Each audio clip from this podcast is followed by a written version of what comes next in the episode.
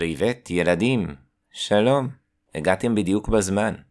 הפעם אנחנו עם סיפור על עיקר, על חליפה ועל מוסר השכל.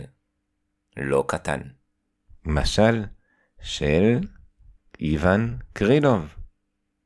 אז הנה מתחילים. יאללה.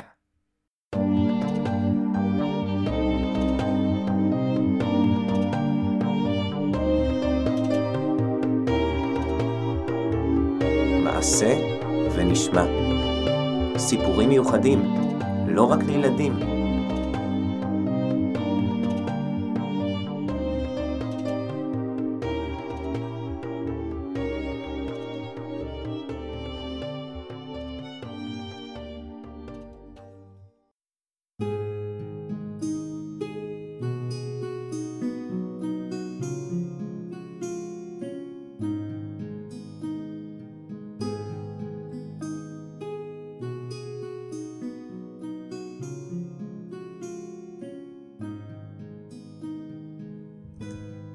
איכר רוסי אחד בשם דימיטרי.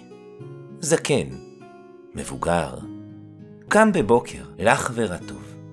פיהק, פיהוק גדול ומרשים.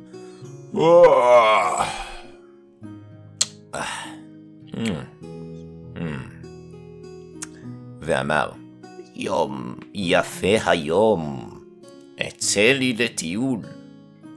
לקח דימיטרי את חליפת הטיול שלו, חליפה יפה ומכובדת, שדימיטרי חשב שהוא נראה בה ממש מכובד. הוא אהב מאוד להסתכל על עצמו במראה לבוש בחליפה הזו.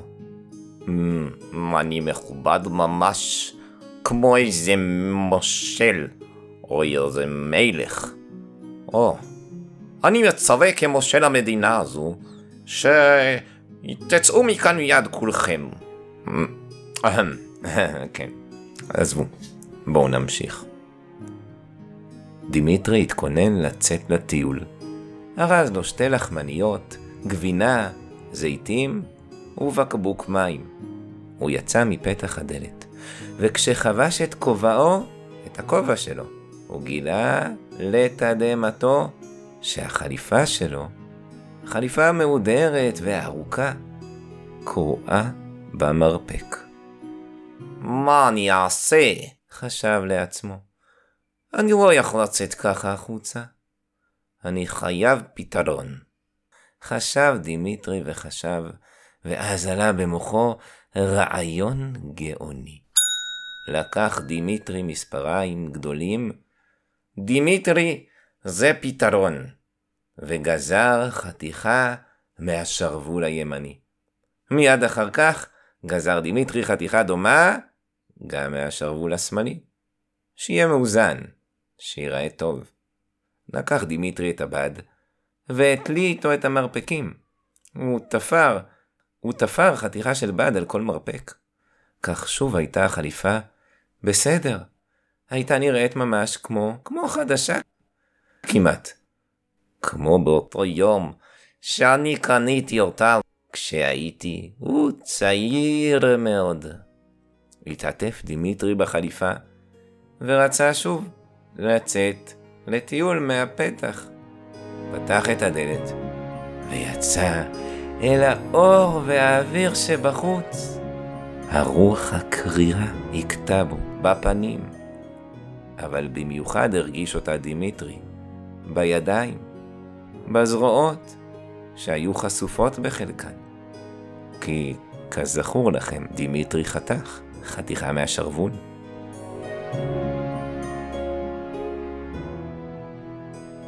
למען האמת, זה לא הפריע לדימיטרי במיוחד. מה אתם חושבים, אני איזה מפונק? אני ילדה? הוא קצת קר. אבל לשכן שלו פאבל דווקא כן הפריע. והפריע מאוד. או מה קרה, דימיטרי? לקחת את החליפה של הילדים? מה קרה? הכלב אכל את השרוולים שלך? דימיטרי נעלב. הוא לא רצה להסתובב ככה. הוא היה רגיש ללשון החדה של השכן שלו. הסתובב דימיטרי, ונכנס חזרה הביתה. אבל אל תדאגו ילדים. דימיטרי, כמו שהוא כבר אמר, דימיטרי, פתרון. חושב על פתרון לכל בעיה, וגם הפעם הוא לא אכזב אותנו. לקח דימיטרי את החליפה. שלף שוב זוג מספריים ואחד שתיים. לפני שהספקתם בכלל לספור עד שלוש, הוריד דמיטרי את שולי החליפה. החלק התחתון והארוך המהודר של החליפה. ולפני שספרתם עד עשר, כבר תפר דימיטרי את הבד השרוולים, ושוב היו שרוולים ארוכים כמו בהתחלה. החליפה הייתה נראית שוב יפה, ושוב יצא דימיטרי החוצה לטיול.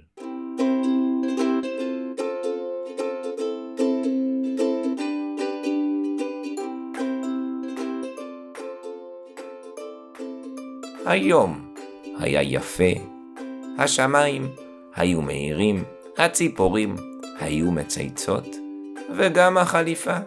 השרוולים היו ארוכים, המרפקים שלמים, האורך מושלם. אוי, לא. ממש לא בעצם. האורך... דימיטרי, נראה לי שהאורך קצת חסר. החולצה שלך מציצה מתחת לחליפה. אה, החליפה שלך קצת, אה, בוא נגיד, קצרה מדי. מה נעשה? מה מה זה מה נעשה? אל תדאגו, אתם זוכרים. דימיטרי פתרון. לדימיטרי יש פתרון. שלף דימיטרי מספריים, ואחת ושתיים גזר מהחליפה. אתם בטח מבינים לאיפה זה הגיע.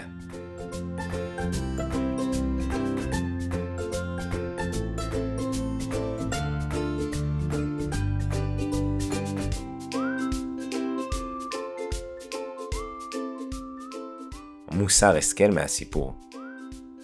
אל תחפרו בור במקום אחד כדי לסתום חור במקום אחר. כי תמיד, תמיד, תמיד, אני יכול להבטיח לכם, תישארו עם בור. אז אם אתם רוצים לקנות משהו וחסר לכם כסף, אל תלוו כסף, בלי חשבון מאנשים אחרים, כי את הכסף הזה תצטרכו בסוף להחזיר. ויש אנשים שמתנהגים כמו דימיטרי.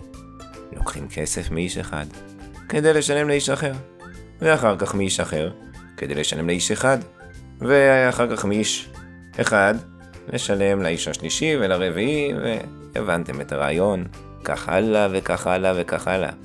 והם נכנסים לבוט, ולא מצליחים לצאת ממנו. אז אל תהיו כמו דימיטרי ילדים, תראו את הנולד, כי דימיטרי פתרון. סוף מעשה, במחשבה תחילה. להתראות ילדים, ואל תשכחו להירשם לרשימות התפוצה שלנו, והכי כדאי, לקבוצת הוואטסאפ.